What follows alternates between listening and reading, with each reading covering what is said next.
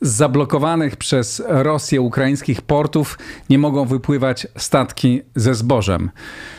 Mówi się, że z tego powodu światu czy części świata grozi głód. Czy tak jest rzeczywiście? Jak bardzo poważne jest to zagrożenie? O tym dzisiaj porozmawiam w układzie otwartym. Zanim zacznę, jak zawsze, serdeczne podziękowania wszystkim, którzy ten program wspierają, którzy pomagają mi w różny sposób. Dzisiaj wymienię, jak zwykle, kilku, kilkoro patronów. Adrianna Szubielska-Malińska, Mieszko Pośpiech, Maciek Janowski, Sylwester Dyga. Bardzo serdecznie dziękuję Wam i wszystkim patronom. Kto chciałby e, dołączyć do tego grona, serdecznie zapraszam na mój profil w serwisie patronite.pl. A teraz zapraszam na rozmowę.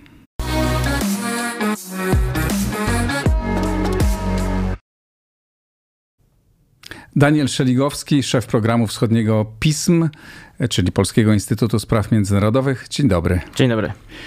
Proszę powiedzieć, czy rzeczywiście ta groźba głodu y, spowodowana brakiem wypływu zboża z portów y, ukraińskich jest poważna?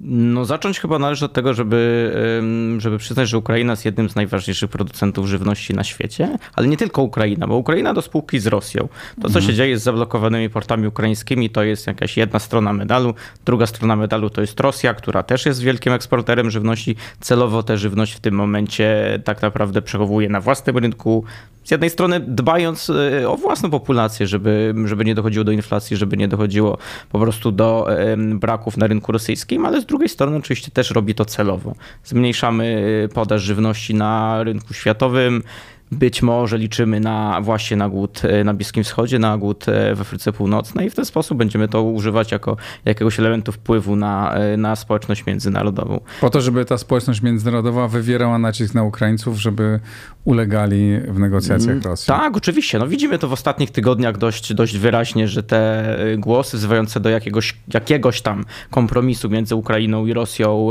no one przybierają na sile.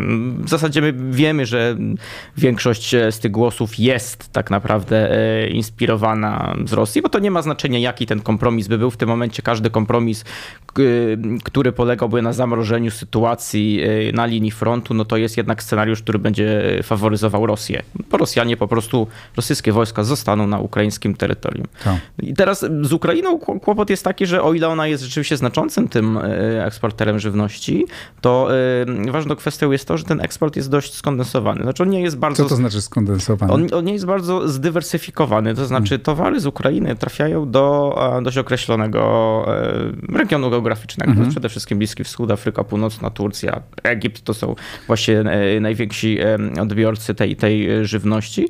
No i teraz, jeżeli by ten eksport był bardziej zdywersyfikowany, to oczywiście można by go było dość łatwo zastąpić na przykład importem z innych państw. Czyli rozumiem, że te kilkadziesiąt milionów ton, bo o takich liczbach chyba mówimy, tak? tak? tak. Aczkolwiek trudno sobie wyobrazić, co to znaczy kilkadziesiąt milionów ton. No, dużo, to, to dużo, to tak? Dużo. E, trafia do kilku krajów tak naprawdę. Kilku, kilkunastu może. Większość z tego trafia do kilku, do kilkunastu mhm. krajów. Tak, Dobrze, a jaka to jest, czy wiem mniej więcej, jaka to jest część w ogóle zboża produkowanego na świecie, czy jaka część zboża, którego tam, które tam e, dociera do tych krajów? Na przykład połowa całego światowego handlu olejem e, rzepakowym to jest Ukraina. Aha. Jakaś 1 czwarta, 25% całego światowego mhm. handlu kukurydzą to jest Ukraina, 10% światowego handlu zbożem to jest Ukraina. Aha. Czyli jeżeli weźmiemy zboże 10%, no to nie to jest tak, tak jeżeli, wiele. No to nie jest tak wiele w skali świata, ale rozumiem w skali tych kilku w krajów. W skali pewnego regionu to jest rzeczywiście, e, no to jest rzeczywiście taki procent, który może wywołać dość, dość trudną sytuację. Być może niekoniecznie głód. To ważne słowo to jest właśnie groźba, ryzyko, czyli my rzeczywiście jesteśmy, e, stoimy przed ryzykiem pewnego głodu. Czy do niego dojdzie, nie wiemy, bo oczywiście są jakieś mechanizmy awaryjne, na przykład właśnie e, awaryjne dostawy żywności przez organizacje międzynarodowe, chociażby jakieś agencje ONZ-owskie, ale jeżeli by się to nie udało, no to wtedy rzeczywiście możemy mieć kłopot. No i a czy razu... trochę, a czy, przepraszam, jeszcze dopytam, czy to nie jest trochę tak, bo tak naprawdę mnie to najbardziej interesuje.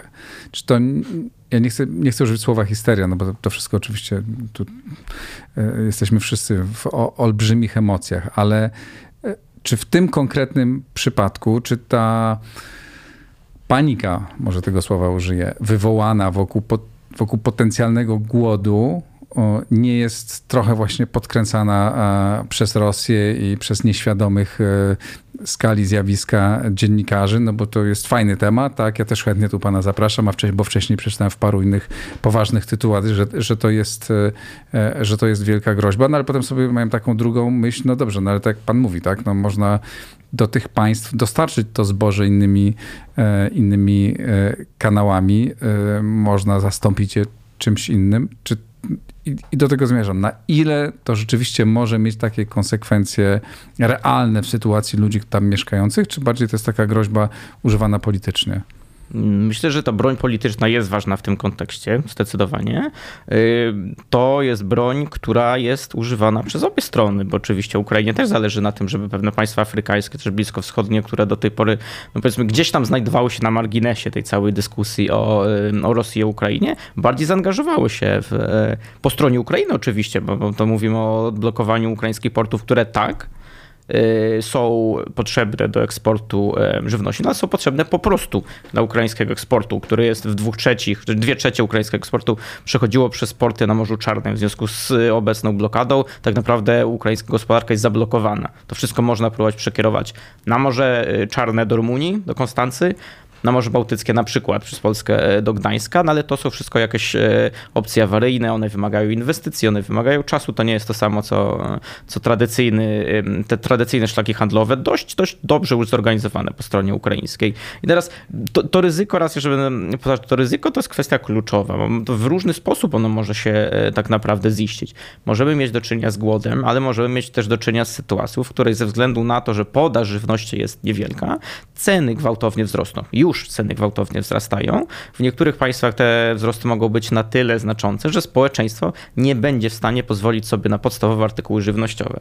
To może doprowadzić do sytuacji podobnej, jak mieliśmy podczas arabskiej wiosny w Afryce Północnej. Tak? No i wtedy rzeczywiście może to doprowadzić do jakiejś fali migracji z Afryki do, do Europy Południowej. Więc jeżeli ja, ja widzę polityków z państw południowoeuropejskich, Włochy, Hiszpania, Francja, którzy no, walą na, na alarm, że to jest jakieś zagrożenie, to tak, to jest zagrożenie. Bo rozumiem, że oni realnie boją się tego, że czeka ich następna wielka fala E, migrantów z południa. Tak, zdecydowanie tak. No mhm. i ryzyko takie jest, raz jeszcze, no, no nie musi się oczywiście ziścić. Są pewne opcje awaryjne, na przykład odblokowanie tych portów.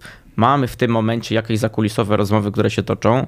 E, Ukraina, Rosja i przede wszystkim Turcja, no bo jednak kluczowe jest tu Morze Czarne, a Turcja jest tym strażnikiem Morza Czarnego. Na ile oczywiście one mogą przynieść jakieś realne efekty, trudno powiedzieć, bo bardzo wiele czynników wchodzi w grę. Najważniejszy czynnik militarny.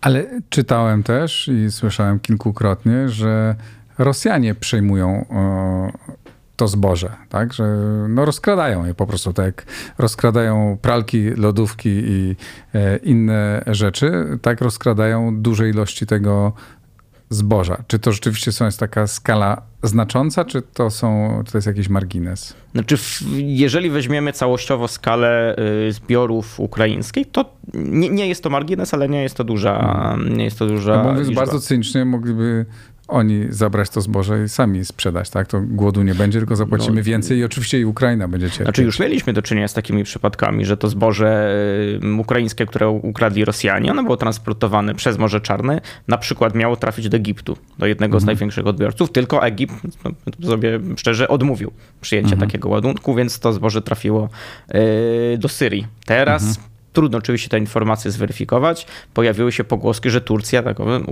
ukradzione przez Rosjan e, ukraińskie zboże jednak kupuje.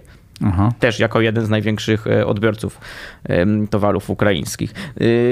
Ale jeżeli chodzi o skalę zjawiska, tak, ono rzeczywiście występuje. Natomiast jeżeli mówimy o milionach ton zbiorów e, zboża na Ukrainie, to to, co Rosjanie w tym momencie ukradli, no to są setki tysięcy.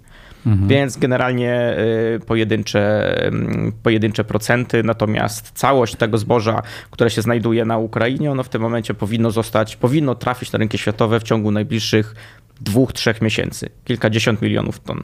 I trzecia część, o której się chyba y, najmniej w tej całej dyskusji wspomina, no to są silosy ze zbożem, które intencjonalnie y, Rosjanie po prostu bombardują. Mamy już ataki Aha. rakietowe bezpośrednio na, na silosy, chociażby niedawny w, w porcie w Mikołajowie. I to jest duża część tego zboża została zniszczona przez te ataki? No tak naprawdę tego nie wiemy. No, no nie wiemy w jakim stopniu też one są y, zapełnione. Mhm. A te, wspomniał pan na początku, że no, Rosja też jest dużym producentem e, żywności. Ona też e, ma wpływ na to, jak się, e, jak się zachowują rynki. Może wstrzymać po to, żeby podnosić ceny, czy wywoływać wielką panikę? Czy rzeczywiście ona wstrzymuje w tej chwili sprzedaż zbóż i innych produktów żywnościowych ze swojej strony? Znaczy częściowo tak, częściowo tak jak mówiłem wstrzymuje, natomiast wydaje mi się, że im bliżej będziemy yy, lata, to, y, to chyba Rosjanie będą używać tych rezerw, y, tych zapasów żywności jako pewnej broni politycznej. Mhm. Bo ja sobie w tym momencie jestem w stanie wyobrazić taki scenariusz, że przywódca pewnego państwa afrykańskiego, jakiegokolwiek, to, to, nie ma znaczenia, czysto hipotetyczny scenariusz. E, Przywódca takiego państwa, który, które importowało znaczącą ilość zboża z Ukrainy, wybiera się w oficjalną wizytę e, do Moskwy, do Rosjan i tak naprawdę prosi, żeby, żeby to Rosjanie zostali e, tym dostarczycielem zboża zamiast Ukrainy. No ja sobie taki scenariusz jak najbardziej tak. wyobrażam, bo, bo, bo wyobrażam sobie ministra Ławrowa, czy też ministra gospodarki rosyjskiego mówiącego, no okej, okay, oczywiście, że, że dostarczymy, tylko co nam teraz za to dacie? No może byście właśnie sięgnąć jakoś, jakoś bardziej wyraźnie opowiedzieli się po stronie Rosji w wojnie w Radzie Bezpieczeństwa no, czy gdzieś tam. Ale to będzie taka broń polityczna, którą moim zdaniem raz jeszcze im bliżej lata Rosjanie będą mogli wykorzystywać. Mhm. No i to, oczywiście to się w pełni wpisuje w modus operandi Rosjan na arenie międzynarodowej. Mhm. A czy te zboże ma szansę wyjechać z Ukrainy innymi kanałami? Mówiło się o tym, żeby, e, no, że przez Polskę mogłoby e, transportować, żebyśmy my mogli z jednej strony pomóc rozwiązać ten problem, a dwa, no, też zarobić dzięki temu. Znaczy pomysł teoretycznie jest i, i jakieś tam zdolności są, natomiast daleko, daleko niewystarczające. Rząd wielkości, no nie, nie chodzi o, o, dokładne cyfry, ale w, w sezonie każdego miesiąca przez e, głównie port w Odessie i w Mikołajowie wychodziło około 5-7 milionów ton e, ukraińskiego zboża. Mhm. W tym momencie te... Miesięcznie. Miesięcznie, tak. Mhm. I w tym momencie te zdolności, które my mamy na Y, granicy polsko-ukraińskiej. Mówimy o przeładunku, jaka jest przepustowość kolei, mamy też inny rozkład toru, więc to trzeba wszystko przeładować. Y, no to mówimy o jakieś pół do jednego miliona miesięcznie, mm -hmm. czyli mm -hmm. około 7, 10, być może od 7 do kilkunastokrotnie mniejszej przepustowości niż ta, którą potrzebowaliśmy, potrzebowalibyśmy, żeby to wszystko normalnie wychodziło przez porty. To jest oczywiście jedna kwestia. Teraz druga kwestia, że no, nasze porty i na przykład port w Rumunii no, też są zajęte eksportem czy też importem, przyjmowaniem zupełnie innych produktów. Musielibyśmy, to jest to, co proponowała Komisja Europejska, ścieżki Solidarności, że te towary, które będą wyjeżdżały z Ukrainy, byłyby w tych portach sportach traktowane niejako priorytetowo. Znaczy to, to, jakby założenie jest ok w momencie, w którym rzeczywiście mamy jakieś wolne sloty.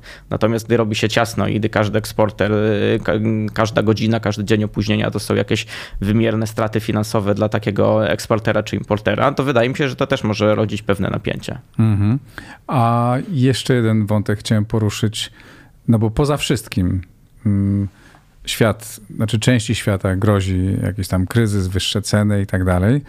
E, mnie się wydaje, że to wszystko jest małym problemem wobec tego, co ciągle co przeżywa Ukraina i co również Ukraina może przeżywać e, z powodu tego, że nie sprzedaje tego zboża. No bo oprócz tego, że cała gospodarka zrujnowana każdego dnia, to rozumiem, że to jest jeszcze dodatkowy element eksport zboża, czy też w ogóle y, produktów żywnościowych, y, to była bardzo ważna pozycja w eksporcie ukraińskim. Mhm. A ukraińska gospodarka generalnie była gospodarką bardzo otwartą na wymianę y, międzynarodową. Także to uderzenie w te porty, odcięcie tak naprawdę całego południa Ukrainy od dostępu do morza, Rosjanie wiedzą, co robią. Tak? To, to, nie jest, to nie jest ruch przypadkowy, tylko już wcześniej widzieliśmy na, na Morzu Azowskim, na przykład w roku 2018, gdy gdy doszło do blokady cieśniny kerczeńskiej, no to wtedy to było uderzenie w, w Donbas, to było uderzenie w region, który bardzo mocno zależał od eksportu y, metali y, przemysłowych, w ogóle przemysłu ciężkiego, to było też uderzenie w ukraińskich oligarchów, którzy przez lata na tym się dorabiali, na tym zarabiali, eksportując właśnie na rynki światowe y, metale. W tym momencie mm, rzeczywiście jakieś dwie trzecie ukraińskiego eksportu stoją przekierowanie jest tylko w zasadzie jakimś hipotetycznym scenariuszem na średni i długi okres, na zdecydowanie nie na krótki okres, co tak naprawdę stawia nas przed, sytua przed sytuacją, że za kilka tygodni najpóźniej do lata, no ukraińska gospodarka będzie w zasadzie w zdecydowanym, w bardzo dużym stopniu zależna od wsparcia zewnętrznego, y, od finansowego wsparcia zewnętrznego. Co ale dodaje nam... jest, nie? Jest, ale jeszcze nie... No powiedzmy, że Ukraińcy są w tym stanie, w, w tym momencie w stanie pokryć jakąś połowę swoich wydatków. Mhm. W lecie prawdopodobnie jedną trzecią. Tak? Y, więc oczywiście do tego całego wsparcia militarnego, które my udzielamy y, Ukrainie, dojdzie kolejna kolejna bardzo ważna część, czyli jeszcze większe wsparcie finansowe, co będzie też wymuszało na nas e, pewną zmianę podejścia, bo ile do tej pory większość naszego wsparcia zewnętrznego, e, czy to Unia Europejska, czy Międzynarodowy Fundusz Walutowy i tak dalej, to jest wsparcie w postaci kredytów no krótkoterminowo to jest ok, ale jeżeli przyjmujemy do wiadomości, że wojna potrwa prawdopodobnie dłuższy czas, a ja jednak do, do, takiego scenariusza bym się przychylał, no to cały czas nakręcanie tej spirali zadłużenia generuje nam jeszcze jeden dodatkowy problem oprócz tych wszystkich, które już mamy. O. Na ile politycznie będzie to możliwe, by, by liderzy zgodzili się zamiast pożyczek udzielać tak naprawdę grantów, no to też może za chwileczkę okazać się, że to jest y, problem polityczny, który Rosja będzie mogła dość łatwo rozgrywać. Czy wydaje się panu możliwe, żeby negocjacje, e, ktokolwiek je prowadzi, e, mogły przynieść jakieś rozwiązanie? Bo mnie, mówiąc szczerze, trudno w to uwierzyć, dlaczego Władimir Putin miałby się zgodzić na coś. Znaczy, jak wysoką cenę ktoś inny e, musiałby zapłacić, a na pewno Ukraińcy na wysoką cenę się nie, nie zgodzą. Mm, czy nie jest tak, że jedynym wyjściem jest po prostu no, pokonanie i wypchnięcie wojsk rosyjskich stamtąd, co też jest bardzo trudne, bo porozumiem, że odminowanie, rozminowanie morza jest bardzo skomplikowanym przedsięwzięciem. Znaczy paradoksalnie nie. Paradoksalnie odminowanie portów e, ukraińskich na Morzu Czarnym i, i tej części Morza Czarnego nie byłoby problemem. Aha. Problemem będzie to, jak zapewnić bezpieczeństwo rozminowanemu portowi w Odessie, dlatego że to jest wtedy oczywisty cel dla rosyjskiej marynarki wojennej, która mogłaby tam przeprowadzić desant. To jest powód, dla którego Ukraińcy nie chcą do tego dopuścić. Ja, ale mówię o rozminowaniu również min, przez min, które Rosjanie pozakładali, powrzucali w różnych miejscach. No tak, ale powiedzmy, że jeżeli byliby w stanie zagrać kartą konstruktywnego e, jakiegoś tam gracza, który mniej więcej chce się porozumieć, to myślę, że jest to, jest to scenariusz wykonalny. W tym sensie, że Rosjanom rzeczywiście zależy na tym, żeby nie było kolejnych sankcji na Rosję. Mhm. To raz. Dwa, żeby te dostawy broni, które idą na Ukrainę, no, albo je wstrzymać, albo je opóźnić, pod jakimkolwiek pretekstem. Pokazać, że my, zobaczcie, Rosja tutaj się dogaduje. Że być może hmm. Rosja mogłaby w ten sposób pokazać, oczywiście kłamiąc, ale to, to jest zupełnie inna sprawa, y, blefować, że jakieś porozumienie polityczne jest blisko. Mhm. Że tak naprawdę w tym momencie warto pójść na ustępstwa, warto wstrzymać dostawy broni dla Ukrainy, zamrozić sytuację. Innymi słowy, Rosjanie mogą nieoficjalnie powiedzieć Niemcom i Francuzom, i tak będziecie zadowoleni z takiego scenariusza. Mhm. To, że Ukraina nie będzie to trudno, ale wy będziecie zadowoleni. Podsumowując, e, to jest przede wszystkim poważne zagrożenie dla Ukrainy, bo będzie, będzie mieć jeszcze mniej e, pieniędzy. Gospodarka ukraińska będzie jeszcze bardziej dramatycznym, w dramatycznej sytuacji.